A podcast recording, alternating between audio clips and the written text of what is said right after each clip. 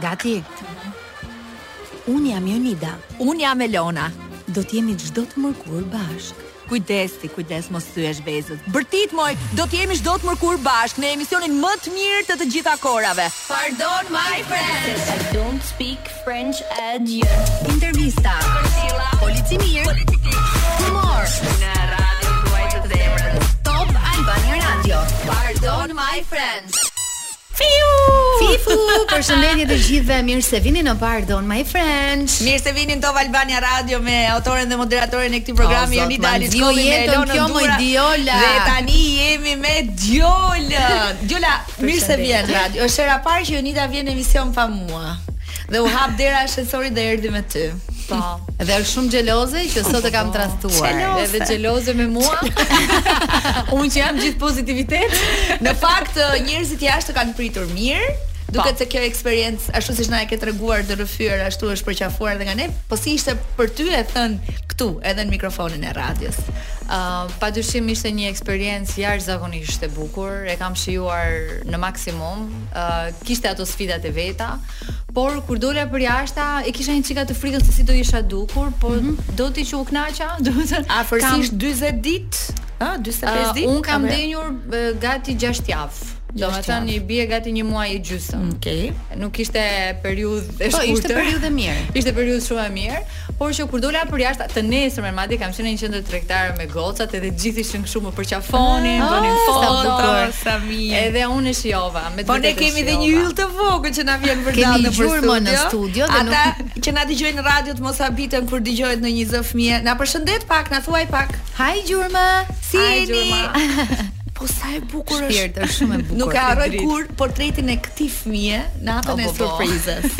Po s'kam për të harruar asnjëherë kur ti ike që jam e sigurt që nuk e vure re se si i shpëtuan lotët duke thirrur mamin. Jo, nuk e pashë. Në moment kam kthyer kokën edhe kam ikur sepse doja që të isha e fortë për të vazhduar. Uh, un kam hyrë për një qëllim, fillimisht duke ju marrë leje vajzave që shikoj un do bëj këtë sfidën. Është njësoj sikurse po shkëputem punoj në një shtet tjetër që të sjell disa të ardhura më shumë dhe të vij të kthehem te ju, ndërkohë që ju do qëndroni dhe me babin dhe me prindërit e mi. Dhe në një anë ishte qëllimi, qëllimi që në nesër pas nesër t'ju ofroj një jetesë më të mirë, po në anën tjetër ishte malli që u çmenda për to. Kështu që nga momenti që un i pashë Nga momenti që i pe të bën më të fortë apo jo jo jo, jo. jo. ndaloj loja jote. jo, jo, jo. aty përfundova. aty përfundova, por uh, më, në një anë po të kisha parë domethën fytyrën e gjurmës se si ishte, nuk kisha diskutim që aty thjesht do isha, do kishte marrë fund që atë ditë. Do ishe larguar që atë po, natë po, apo po, jo. Po, po, Djola po. ishte më e vështirë se çfarë parashikohet marrëdhënia me mallin, me përkushtimin tënd ndaj vajzave edhe me përshtatjen me banorët aty brenda. Ëh, uh, U përpoqa ta merrja me sportivitet, por që nuk mjaftonte ndoshta ai pozitiviteti im, ajo qasja ime që kisha kundrejt banorëve të tjerë, se prapë së prapë ndihej pak ajo trysnia, le të themi. Aty çdo njeri donte të krijonte lojën e vet, lojë um, në jetën përjashta neve nëse mua nuk më pëlqen të bëj muhabet po, me Jonidën, unë zgjedh dhe iki. Po aty duhet patjetër po je e detyruar. Kështu që sidomos pjesa e gocave filluan problemet me pagjumësinë, çohesha natën, dilja aty në kamera thosha po çmendem pa vajzat, po çmendem pa vajzat. Edhe thjesht doja që të të merrte fund për mua. Jo me pyesin se ah, okay, ideja është që ti uh, pjesën përpara se të dilje thjesht u dorëzove dhe e le të shkonte si të shkonte po, deri po, ditën po, që ti do dilje. E ndjeve atë natë që do të ishte ti personi që do të linte shpinë. Absolutisht. E dija ishte shumë e qartë, të gjitha gjërat e mia se unë nuk ishte hera e parë që ishte isha në nominim, por të gjitha gjërat i futa në vendin e duhur që mos lija asnjë gjë përjashta sepse e dija që unë do dilja. Ti e thua vetë që s'ishte hera e parë që isha në nominim edhe kishe bërë gati disa herë valixhen, po a u surprizove ti që nuk dole natën në një nominim të fortë siç ishte ai me Amosin? Ëh, uh, po u surprizova.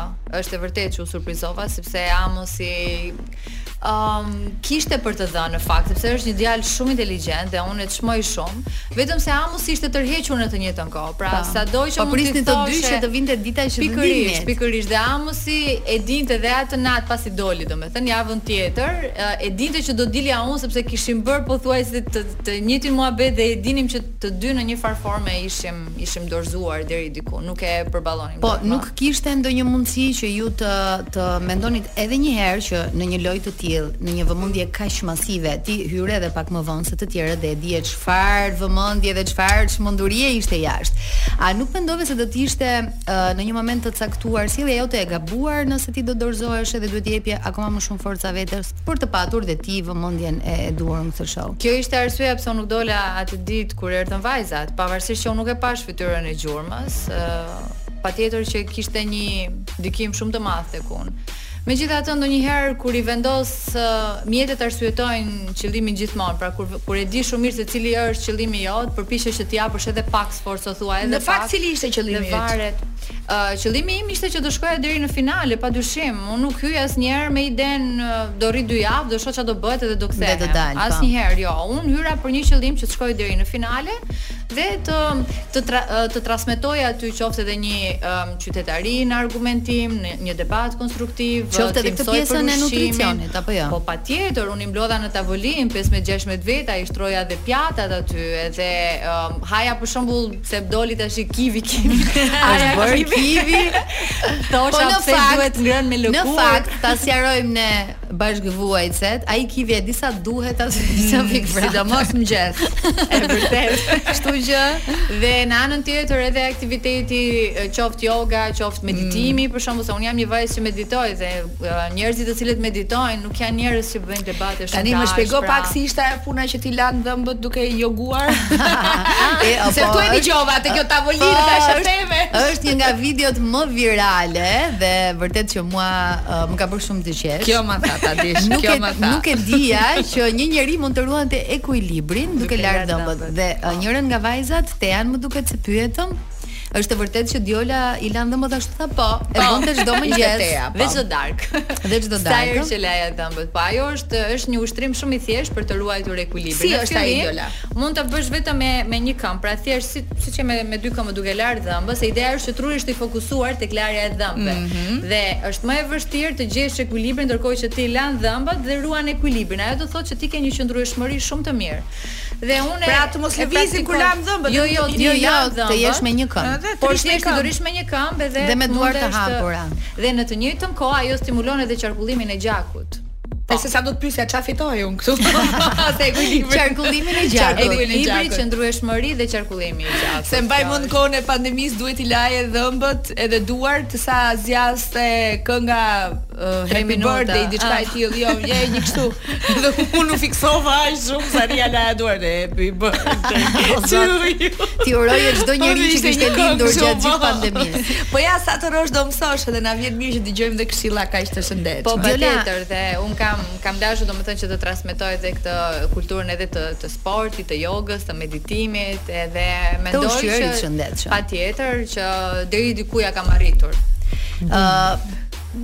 jam pak në dyshim me këtë që sapo the se i kam parë me gjërat që po ushqehen këto ditët e fundit.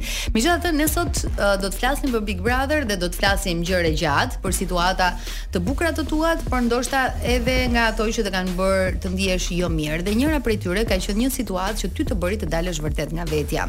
Po. Dhe ka qenë pikërisht situata e Anitës me të cilën pastaj rrodhën shumë ngjarje më pas me Luisin e debatet e tjera. A ke ndonjë peng nga nga pjesa jo vetëm e kësaj situate, po edhe kjo, po nga mhm. jetesa në përgjithësi që ti kishe brenda shtëpisë më të famshme në Shqipëri. E uh vetmja gjë për të cilën më vjen shumë keq, ë uh, për për veten që arrita domethënë atë pikë se ne jemi njerëz edhe gabojmë. Po pra, po vetëm atë moment pa po, kështu si vetëm ai si moment vetes të themi. Po, unë në jetën e përditshme uh, nuk do më shikoni asnjëherë dhe as as familjarët e mi në atë nivel, domethënë nuk më kanë parë asnjëherë. Kështu që ë uh, për atë situatë më vjen vërtet keq. U ngarkove vërtet, u mërzite, u ishte në fakt në fakt ishte një disa detaje që nuk janë parë të gjitha. Nuk janë bërë po. publike. Mm -hmm. Nuk e di nëse më lejohet të them këtu apo po, jo. Po mund ta themi pjesën me të cilën ti u ngarkove vërtet. Uh, Atëherë, uh, Nitën e pashë më thirrën në dhomën e rrëfimit, edhe Nitën e pashë shumë keq aty brenda, ishte në pjesën e poshtme, uh, ishte duke qarë, uh, thjesht dukej sikur po i merrej fryma, sikur e kapi si atak panik, panik atak.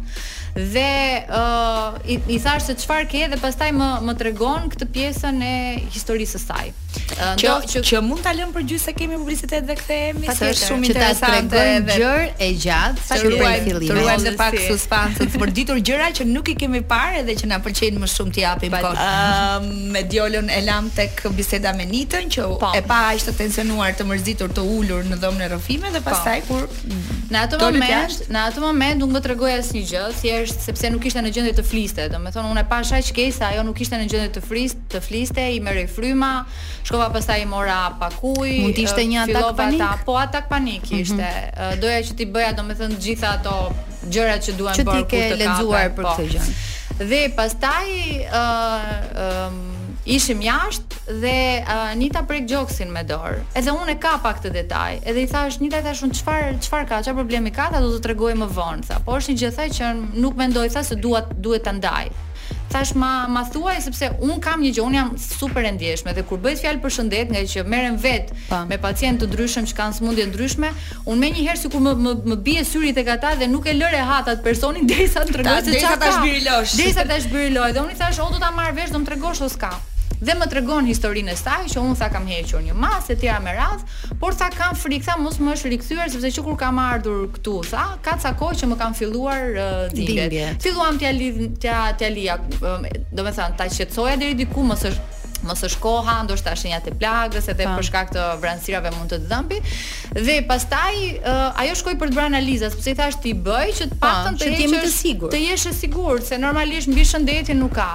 Dhe derisa ne prisnim rezultatin, uh, unë nuk mund të fli, normalisht me banorët e tjerë nuk mund të flisim dhe ndodhi kjo e, e Luisit që uh, në Prime Luisi tha që janë tre njerëz, tre banorë që marrin frymë kot. Kur tha marrin frymë kot, unë tash e lidha në mendjen time Një person që nuk e dinim rezultatin ende, që kishte hequr atë masën në gji, që kishte luftuar me jetën dikur dhe i thoshte merr frymë kot, mua më iku truri. Domethënë, ai ishte një reagim, pra në kuadër të lojës ishte i padrejtë për Luisin dhe unë e pranoj për këtë dhe i kam kërkuar falje. Po në kuadër të asaj gjës që, që unë nuk po i flisja dot se unë po e përjetoja dhe nuk dije çfarë uh, arsyetimi të jepje për këtë ngarkesë. Dhe unë absolutisht dhe unë kisha humbur dhe shoqen e ngushtë nga Tropoja me të njëjtën sëmundje. Dhe domethënë aty njoha plus Nita u bë si motër për mua, pra ishte një ngarkesë aq e madhe sa unë nuk dija se çfarë të bëja dhe shkoj Luisit edhe i them, i përplasem Luisit edhe i them që shiko se ti këta njerëz që i thua merr frymë kot, përmenda vajzat dhe familjarët e tjerë që mua më vjen shumë keq për këtë sepse nuk duhet të kishte ndodhur. E kuptova dhe unë në moment që ti pa. Po. që në momentin që e the u pendove. Absolutisht, sepse nuk isha unë. Pra, ishte një ngarkesë aq e madhe dhe ndodhi kjo pastaj që kur ia sqarova kur e tha, Nita lajmin dhe ia sqarova Luisit dhe i thashë të lutem më mirëkupto për këtë sepse po. unë shpërtheva se nuk mbaja dot ngarkesën, domethënë e gjësë tjetër që unë dija dhe nuk e nxirrja dot Nitën dhe u plasa tek vajzat. Domethënë e gjitha ishte kjo, e gjithë gjëja që u bë, ishte kjo. Po ti nuk është se në jetën e vërtetë të plas shumë se çfarë mendon ai ajo ata ato.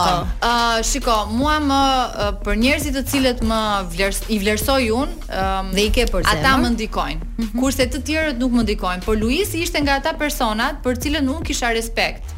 Sepse edhe në ato momente të cilat unë hyra në ditën kur ndodhi ai, le të themi, kur uh, shkoi për të bërë analizat dhe u kthye dhe tha që nuk është e vërtetë dhe unë pikërisht atë ditë kam hyrë. Edhe në dhomën e rrëfimit kam thënë, te ky djalë ka diçka, mund të mos jetë kjo gjëja, Po ka diçka, sepse e e shoh thashë ndoshta edhe nga skuqja në lëkurë unë fillova u futa në profesionin tim, mund të ketë ndoshta një mëlçi të dhjamosur ose mbase pi shumë pi energjike e të tjera me radhë dhe e dija që mund mund të ishte diçka intuita ime më thoshte që është diçka ndoshta jo kjo saktësisht që thotë mhm. Luisi. Dhe kjo më bëri që unë në një farë forme të afrohesha me Luisin, edhe plus ai erdhi tha unë ty do të të shoh si motrën time, se dhe ajo ka tre goca. Pra ishte një përplasje e panevojshme në atë moment. E kuptoj. Kjo po ishte e gjitha. Po ndodhin në jetë, jemi dhe aty realisht është jetë reale. Po absolutisht. Dhe në jetën reale na hypin edhe ndonjëherë nervat kot. Ose na hypin patjetër po, thjesht po, ose zihesh me mamin, me motrën, me fëmijën sot në jetë. Ose gjen një motiv kot për t'u shfryrë sepse nuk themi dot atë që ekziston me të vërtetë.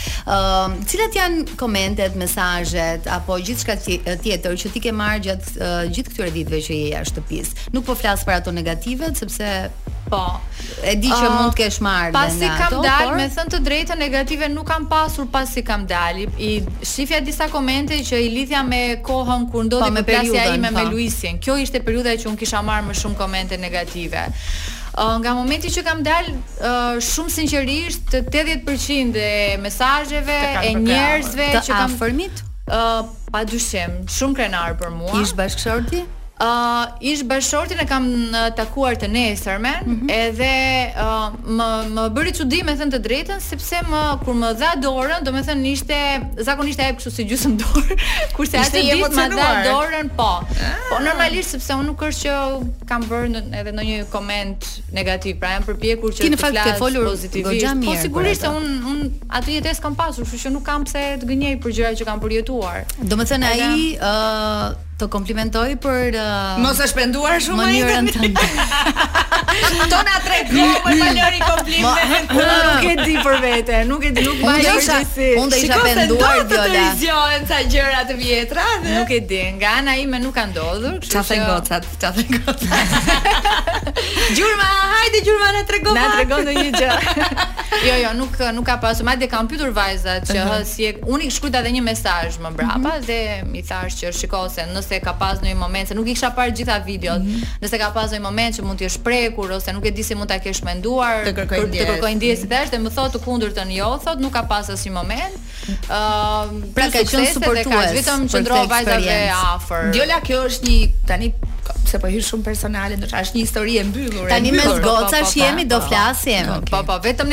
të treja. Sepse un përpara se të hyni jemi mësuar ne me mikrofona. Sa që ta dish ti Elona përpara se të hynim në transmetim i thashë, ë uh, zemra gjatë kësaj periudhe un kam parë shumë video tuaja të bashkë edhe gjëra shumë të tjera, uh, video virale madje. Po. gjatë kohës që ti ke qenë në spital për të lindur sepse po. ai është uh, ginekolog. ginekolog. Ë, uh, dhe i thashë po ishit shumë të bukur bashkë dhe në fakt ishit shumë shumë mirë. Ishin, kanë rënë në sy, kanë po, rënë në sy. Po, e vërtetë. Hmm? E vërtetë, ishte shumë mirë për aq sa zgjati, sa e kemi shijuar atë energjinë, e kemi pasur atë energjinë e mirë. Edhe respektin për njëri tjetrin ka shkuar shumë mirë. Kur filloi kjo gjë mos të ishte më, atëherë është Shumë herë më mirë që të heqësh dorë se sa të vazhdosh të rrish për hatër të fëmijëve. Kjo të ka bërë shumë më të fortë, Jola. Ua, mm, patjetër. Uh, what doesn't kill you makes you stronger. yes, absolutisht, absolutisht. Po ti tani je e hapur edhe për histori të tjera, lidhje të tjera. Ah, i jep vetes, i jep vetes, i jep vetes mundësira apo thua jo tani, nuk kam jam e ngarkuar, jam e lodhur, po, jam e tepër. Po flet tani pasi kam dalë nga Big Brother apo në përgjithësi? Kur të duash ti në përgjithësi, domethënë nesër pas nesër si e ke kohën. jo, patjetër që jam e hapur. Por sigurisht, mm -hmm. uh, thjesht për mua un kam një çik filtra shumë të vështirë. un jam un, un tani kam un nguroj të të bëj dhe shumë pyetje se kam vajzën e vogël përballë. Vajza po luan për qejfin e saj. o zemra e vogël është dësuar aty në një kënd të radios. E bukura është që edhe para se të futesha në Big Brother, uh, kur i thashë gocave që shiko se un A jeni dakord që mami të futet mm -hmm. këtu? Edhe e madhja thotë që dëgjo mami thotë se u bë shumë kohë thotë që nuk rri më me telefon në dorë. Kështu që po të ndjen diçka, më të bëhet unë jo jo jo jo. Po që nuk jam, unë jam një person shumë uh, dua të shijoj gjëra dhe në qoftë se kam një kimi e, po. e përjetoj atë kimi. A kishte një kimi brenda shtëpisë? Me Jonathanin për shembull? Ë, uh, shiko. Apo ishte kot? I nuk është puna e ishte kot, Jonatani ishte. Se në fakt u duk një lloj afrimiteti, le të po. themi mes jush. Uh, kjo është e vërtetë. Uh, Jonathan ishte një person që kishte një energji krejtësisht tjetër nga personat e tjerë. Pra, dukej që ishte një person kështu pa sherr, ishte i sinqert, kishte një kimi shumë të pastër, një energji shumë të pastër, po. Dhe ashtu jam edhe unë. Kjo ishte arsyeja pse ne të dy po na na lidhin dhe lojrat në Së bashku. U bë loja e prindërimit. Ke dhe një fëmijë. Fituam dhe çmim, bëm. Fituam dhe po, çmim. Edhe pjesa e suksesshme. Po, edhe pjesa e kërcimit pastaj se është komentuar shumë ai kërcimi, po un kam kërcyer edhe me Luisin në fillim. Sa bukur kërcen ti? Sa do thoja, Diola nuk di domethën. Un te densi, po s'më mori densi.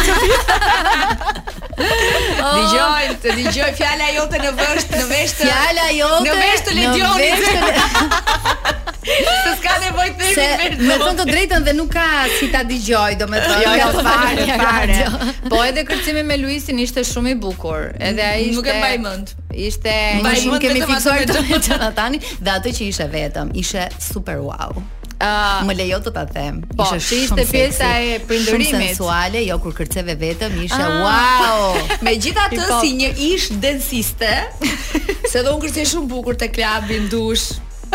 Te kuzhina, te lagja. Edhe vallën e pipzave e çaj. Pipzat e çaj me babin, po është tjetër gjë ai dance floor aty. Unë të uroj më të mirat, unë të uroj më të mirat. Është si të them tani ama se Big Brother nuk është dhe aq e vështirë, po jo, ti jo, që jo, ishe brenda Ti e kupton më mirë. Ti kupton të gjitha dimensionet e vërtetë. Tani uh, ditën e sotme në fakt Diola, ëm uh, Valbona është larguar. Prime-in e djeshëm, uh, Bledi u largua. A, po. a ke ti një koment për të gjithë këtë situatë që po ndodh? A ke tërhequr ti këmbën për këta njerëzit që dalin? Se po dalin si Te për këto dy. Nuk e di. Donin të dilnin dhe tre tjerë. Të dy janë njerëz që unë i çmoj shumë pavarësisht që me me Valbonën herë pas here kishim ndonjë debat të vockël, por që shiko në Big Brother u bëm si një ishim si një familje. Dhe në atë familje kishte individë që i konsideroja si nënë, si bab, motra dhe vëllezër pastaj. Kështu mm -hmm. ishin ishin të ndarë të paktën në syrin tim. Dhe për Bonën e pashë që ishte shumë e stresuar. Uh, ai komenti që bëri Luisi, të them të drejtën, nuk është që ishte ndonjë koment kush e di se sa që Bona ta përjetonte si një dhunë psikologjike. Pra, uh, kjo do të thotë që ajo ka qenë aq e ngarkuar sa një fjalë aq e vogël, asaj i është bërë bum aq i madh. Njësoj sikurse mua fjala e Luisit që merrni frymë kot e bëra dramën më të madhe. Në fakt, merrni frymë kot, është shumë e rëndë se sa pse votove Oltën. Le po, të themi realitetin. Po, është e vërtetë, por nëse do ma thoshte dikush jashtë, domethënë, nuk do t'i kisha kushtuar rëndësi fare. Kështu që unë e pashë që Bona ishte shumë e ngarkuar. Edhe fakti që me mua zihej për një kivi, ku i ke fshehur kivit, ndërkohë që unë ja kisha lënë më vete, domethënë kivit. Ë, pse thua ti që s'ma nuk ta shkeli syrin maestro, ndërkohë që unë s'e kam mendjen se kujt Grave ose vajzave mund tju shkeli maestro syrin, nuk e ka mendjen fare dhe njeriu shikon me mendje nuk shikon me sy dhe mbi të gjitha nuk kisha asnjë lloj nevoje që ta gënjeja sidomos Valbonën kur unë me maestron isha maja maja ndërkohë që me Valbonën isha si nënë e bijë më kupton mm. dhe u ndjeva shumë keq dhe realisht u preka shumë kur tha më gënjen sy më sy se nëse është një ndër parimet me të cilat unë jam rritur është që mos të gënjej asnjëherë Dhe me të vërtetë u, u preka, pa, por i kuptoj që këto por, një gjë e vockël bëhet shumë e madhe. Bëhet e madhe dhe kam përshtypjen se herë pas herë ju shpëtonin detaje, qoftë edhe një shkelje syri e rastësishme, besoj apo. Jo. Është e vërtetë, moj ti mund të jesh duke parë atë personin dhe nuk e ke mendjen fare aty. Ne tani kemi publicitet dhe do ta kemi mendjen në pjesën e dytë të programit kur të jemi me Djolën prapë. Dëgjuat Strong nga Romi and Për goca të forta si ne. Për goca të forta, se jemi katër këtu.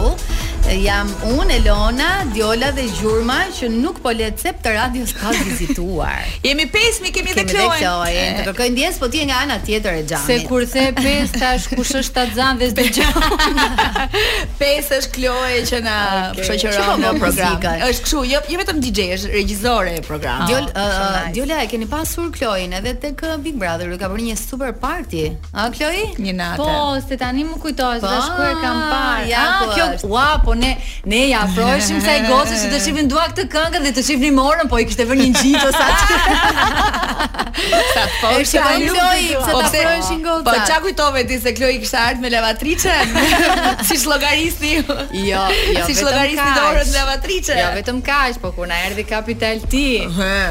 Dhe s'i shqyem dorën që të ngrinte bluzën e rëndë Të shihnit orën Të shikonit se sa ishte ora Që kaq problem është pjesa e orës Po donim të orientoheshim Sidomos unë njëherë që unë ha me orar gjithmonë Edhe e kisha Mirë haje, mirë haje. Domethënë ti ha mëngjesin dhe drekën dhe pasdite më duket e kishe fruta. Uh, kryesisht fruta, po aty e prisha sepse s'kishte as orar asnjë gjë.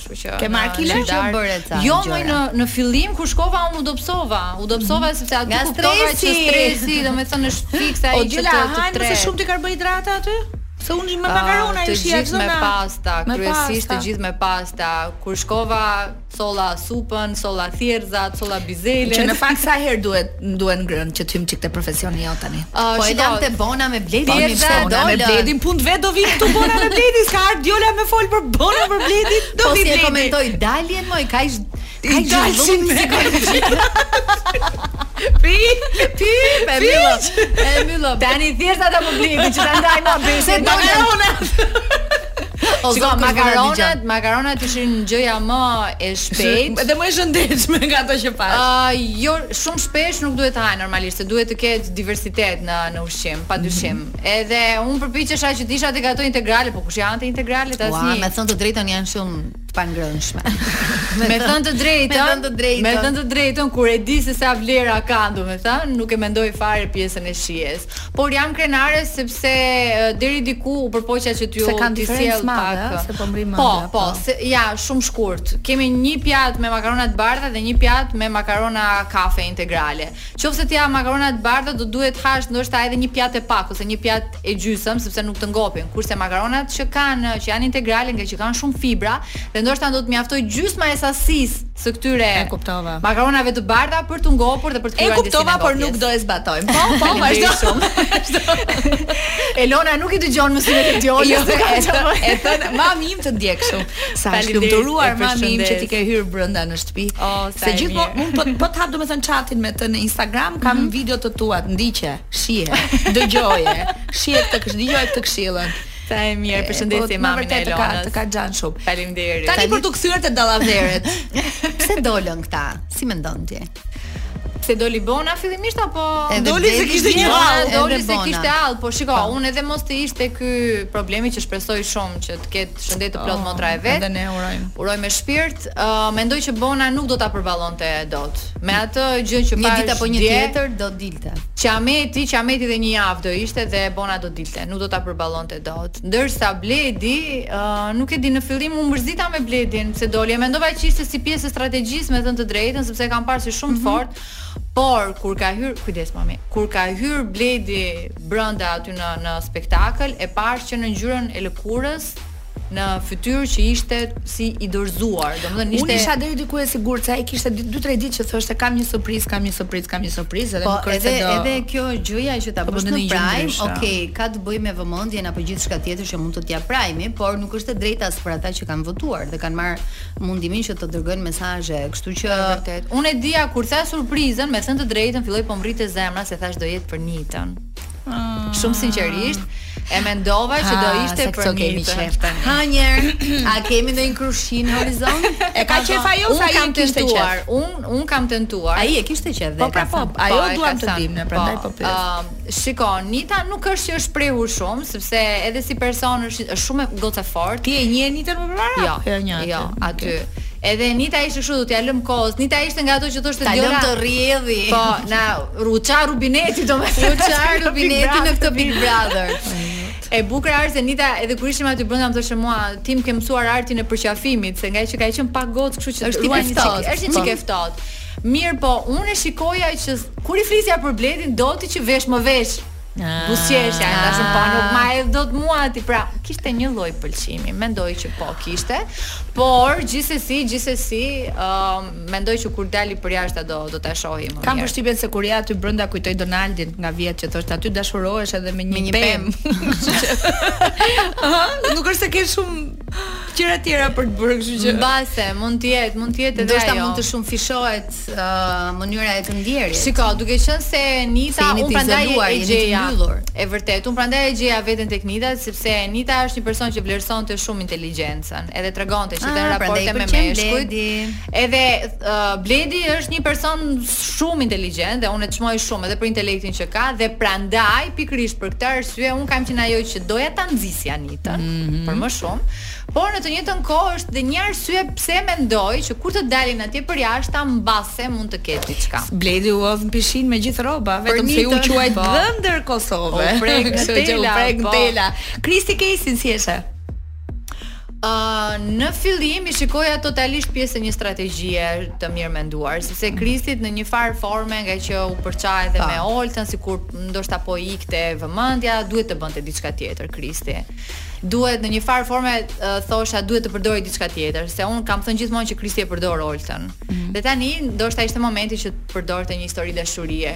Por dje kur pashë kështu një një përmbledhje dhe pashë disa video, mm -hmm. uh, mendova që mund të ketë diçka për një arsye shumë të fortë, se Kristi është nga ata persona që nuk të linte ta prekje. Po. Pra nëse t'i prekje krahun, Kristi ishte kështu si gur, domethënë. Po. Dhe nga ai guri Do u transmetoj një çarmatoz, video pastaj u çarmatos direkt, domethënë shkoi i, i kërkonte Kristi puthje Kejsit. Domethënë Mhm. thashë, "Ok, mirë." Dhe e I shikoj dhe pëlqen në vërtetë. pjesën e buzëqeshjes. Unë në fakt, nëse dua që të analizoj një person, i shoh gjithmonë madhësinë Sinë e buzëqeshjes edhe shkëlqimin e syve. A i rriten ato bebzat e syve apo i, i shikoj kështu me detaje. Çfarë mendon për mua? Dhe unë duke shqyer. Ti nuk nuk më ke qenë fare mua se nuk i ke bebzat e syve. Me vërtetë? Po bëj shaka, po bëj shaka. nuk të ka ndryshuar madhësia e bebzave. Ëm uh, mbetet për t'u parë uh, sepse aty Shiko, edhe në momentin kur dola, kam marrë një mësim që mos u besoj shumë njerëzve që në fillim. Pra, nëse kam marrë një mësim nga Big Brotheri, është që mos u besoj njerëzve që në fillim, kështu që kjo më lë një çik në dilemë edhe në raportin e tyre. Por i shoh të ngjitur goxha të afërt. Po, po tani po, kam përshtypjen se të pëlqen shumë. Unë dua, unë dua që të ketë dashuri, sepse ka shumë nevojë aty brenda. Sinqerisht më besoni, ka shumë nevojë për dashuri aty brenda. Dhe kanë dhe nevojë për një çift të dytë apo të tretë, të tretë. se mund të ishte pra, mund të ishte te po, Luiz Kiara. Ë çifti Luiz me Kiarën duket sikur në një farë forme e mbyllën ciklin. Ngeli vetëm që të bëjnë fëmijë domethënë, mm. se dasma u bë, babai u takua, puthja u dha, puthja u dha e shumëpritura puthje, kështu që ngeli sigurisht vetëm uh, vetëm pjesa e fëmijës, u mbyll cikli. Po kismet Maldive. po ku i dihet, kur të kthehen. Uh, si e shikon uh, Oltën brenda shtëpisë, sepse uh, një pjesë e mirë e komentuesve në rrjet, ndoshta Ose janë verbuar nga kjo pëlqyeshmëria që kanë për Luisin ose herë pas here ë uh, u ka mbetur filmi, le të themi, tek disa deklarata që ajo mund të ketë bërë në fillim dhe ka qenë kanë qenë paksa konfuze me ato çka dukej në ekran dhe fliste ajo me me fjalët e saj. Si e sheh ti? Duke qenë se e njohë nga afër dhe i pe situatat më më në brendësi. Ë uh, Olta e përdorte pjesën e argumentit, kishte momente që binte në kontradikta me ato që thoshte, por uh, unë i kam thënë që në fillim që për mua je shumë e bukur për të qenë kaq e ashpër në komunikim. Mm -hmm. Uh, po një gjë më bënte përshtypje që shikoja shumë teatër nga Olta. Shumë sinqerisht, ndoshta ajo është pjesë e strategjisë që përdor dhe është ok, mm -hmm. por nga ana e Oltës shikoja shumë teatër. Ndodhte për shembull çohej në mëngjes edhe bërtiste thoshte Luiz çfarë i ke bërë ti maestros të të të të të dhe mua as nuk më vinte që të futesha në mes atij debati, se më dukej sikur isha fiks në një teatër dhe po luan, domethënë kemi edhe pak minuta me Diolën, po ikën gati një orë, me Diolën mm -hmm. nuk e ndjen fare. Shifi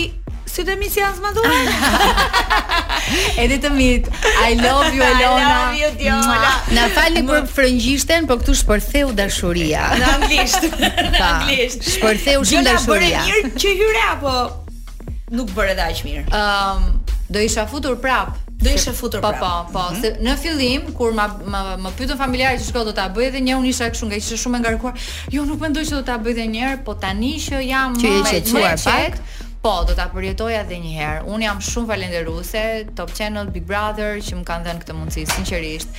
Edhe kam um, kam mësuar shumë aty brenda, kam mësuar edhe se si të bashkëjetoj me njerëz që ndoshta nuk, nuk i ke qejf fare mm -hmm. ose se si uh, ti mundesh të jesh pjesë e një debati, po një debat shumë acarues se si mund ta shndërrosh në një debat konstruktiv, në një debat që mund të japësh një mesazh shumë të mirë, se si mund të bashkëjetosh me 15 persona. Siç ishte rasti i Ermionës për shembull që nga jetesa me Macen erdhi direkt me 15 persona dhe ajo aty ka marrë një mësim shumë të mirë. Kështu që unë dhe u çorientua pak ajo. Po, po. Dhe shkoi te macja, kur ti dali Sa hajë këtu ti? Ku ti flet ti ashtu? Ku ti flet ti ashtu? Pse nuk je lart ti? Sa e pjesa e gjenës ishte kështu domethënë. Tani tani më që po qeshim edhe më që është humor, në çdo prime unë po i thoja Diolës para që të hynim në transmetim, unë bëj gjithmonë kështu statuse në Instagramin tim sepse dua që edhe rrjetet sociale të mos kenë mllef, këto mallkimet, po, këto po. gjëra, këto nuk e di domethënë, dhe i trajtoj me shumë humor dhe situatat që ndodhin aty. Dhe kur ti the doja Po doja të dilja me Bonën, që të merrja vitaminën D. Po. Sepse un kam nevojë për vitaminën D. Po, po. Edhe un shkruaj. I ka uh, të forta kjo statuset. Dua dhe un uh, do doja dhe un të merrja vitaminën D si Diola, por këtë periudhë kam marr vetëm vitaminë K si kondicioneri. se ka qenë një i ftohtë ato ditë që ti doje vitaminën D që ç'të të them, po pra, domethënë. Po pra, do të thotë doli dielli të merrte D. Po edhe në diell nuk rrija dot. Më lejo të të them dhe diçka se përveç kësaj pjesës së diellit, Edhe vitamina D është e rëndësishme edhe për menaxhimin e stresit. Pra nëse mm. s'kemi vitaminë D mjaftueshëm, ne jemi më të acaruar, kështu pra, që mund të zihesh edhe për një kivi. Mund të zihesha me një kivi me Bonën nëse Bona s'më linte që të merrja vitaminën D. Po, kivi fillon me K. Është vitaminë D. Madje me lëkurë. Tani pse e ha me lëkurë që mos vdesim injorantë dhe ne? Ishte poshtra. Shumë të poshtra. Unë nuk thash gjë për vete më modo. Unë ta, unë ai gjobën. Zemra prandaj quhet pardon my friend. Nuk i kemi ato fiqe. E, u këtë mua bëj këti ja për javë nuk i kemi. Po, ok pra. Nuk e di kush na i po, vjen. Pra. Ka një puç këtu në radio. Djola, tani çfarë do ndodhi me ty? Do bësh kështu ushqim të na i dërgosh në ta nxjerrim. Dhe të ham gjyl. Atë, atë po, me atë po merrem. Patjetër, por me një uh, ushqim inteligjent. Me ushqim të Jo dieta. Se bëj shaka. Do ta kesh falas, do ta kesh falas. Është mua vetëm muajin e parë. Jo, jo, e flas do ta zhvillosh gjën tënde tani që Pa diskutim. Kjo është edhe një ndër arsyet pse un kam thënë të ndërpres fjalën për gjysë, se nuk le njeri, nuk le njeri, më fal. Se po qeshim, ha. Patjetër, kjo është një ndër arsyet e forta pse un u futa, që do përpiqem tash në maksimum të nxjerr në pah vlerat e mia po. Ta mbyllim si cirkuit, pra Diola që jep këshilla, mesazhe, na po. tregon, ha. Ja edhe pjesën praktike. S'di ku ta marr ushqimin, ja po ta jap unë ushqimin. Të bëftë mirë. Të bëftë mirë. Madje edhe pjesën e suplementeve, meqë se dua të cek dhe mhm. një gjë aty që është Ne edhe kur ishim brenda, merrnim suplemente vazhdimisht dhe unë isha ajo që bëja listën më të madhe me suplemente të dhajtë të madh. Vitamin K nuk kam kërkuar, po kisha po, vitamin është e mirë. Është e mirë. Vitamina kondicioner është e mirë. Por e mirë. një gjë, një gjë që na mungonte dhe ishte edhe vitamina. Ishte pikërisht vitamina, okay. Po, që po, është vitamina. A ta them unë, është vitamina. Është vitamina e mirënjohjes. Edhe një pije që oh. keni ju graf. E keni me më me meze bro. Diola, dëgjo, fasting është i mirë? Un kam bërë aty brenda fasting, 24 orë, patjetër. 24 orë. Po, madje kam kaluar një ditë bëra 30 orë fasting.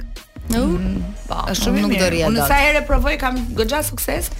Por uh, e prish sa mbaron sa vjen ashtu. Fasting, domethënë. Ë, uh, nga e hëna deri në të shtunë zakonisht jam me intermittent fasting 12 me 6, pastaj të dielën jam 24 orë. Dhe 12 me 6 mund të ha ça të dua? Ë uh, mund të hash sa të duash, por shëndetshëm mundësisht. Po, pra jo picë, pra po sallat, tani fasule me një fetë. Ka një gjë se edhe edhe unë e konsumoj ndonjë pjesë picë kur ma jep truri. Ideja është në qoftë se 95% e pjatës tënde ditore është e pastër, një 5% nëse është një picë ose një gjë e papastër nuk shkakton ndonjë problem të madh. Po. Kur isha unë shtatzënë, më thoshte gjinekologja, ti mund ta porosisësh një picë, Po mos e ha të tërën. Po, edhe ajo i qëndron. Pra, nëse të shkon tek ekuilibri, nëse të shkon mendja për ta ngrënë, sepse po më ruante peshën. Po peshën e ruan dietologu dhe këtu fillon konflikti profesional. Ti ruaj gjë tjetër. Ajo le të ruaj gjë tjetër. Ti ruaj non mitrën. Mosi. Mësimi tre. Mësimi mirënjohja. Po, po, vazhdo. Dhe K si kondicioneri.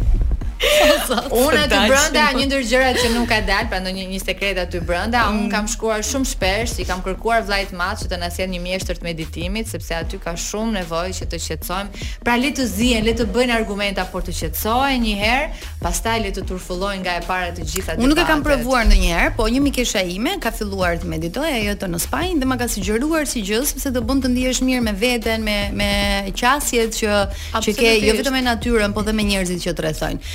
Por un kam përshtypjen se duhet të kesh një lloj mësimi fillestar për ta bërë këtë. Është shumë e thjeshtë, gjëja më e thjeshtë është të mbyllësh syt, mm. hapi i parë, ke të mbyllësh syt dhe në mendjen tënde të kesh një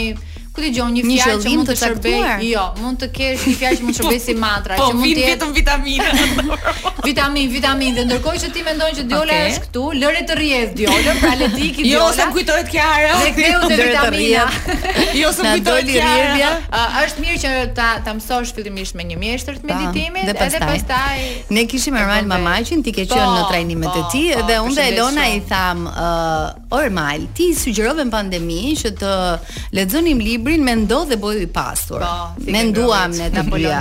Po. Lexuam dhe librin dhe prap fakir ngelëm. Ku është çelësi i këtij suksesi? Apo që nga pjesa e meditimit. Që ka du... shumë elemente brenda në fakt. Ai është një libër që nuk duhet lexuar, por duhet studiuar. Ky është libri i Ermalit ndoshta. Jo, jo, ky i Napoleon Hill, ah, Napoleon Hill Think and Grow.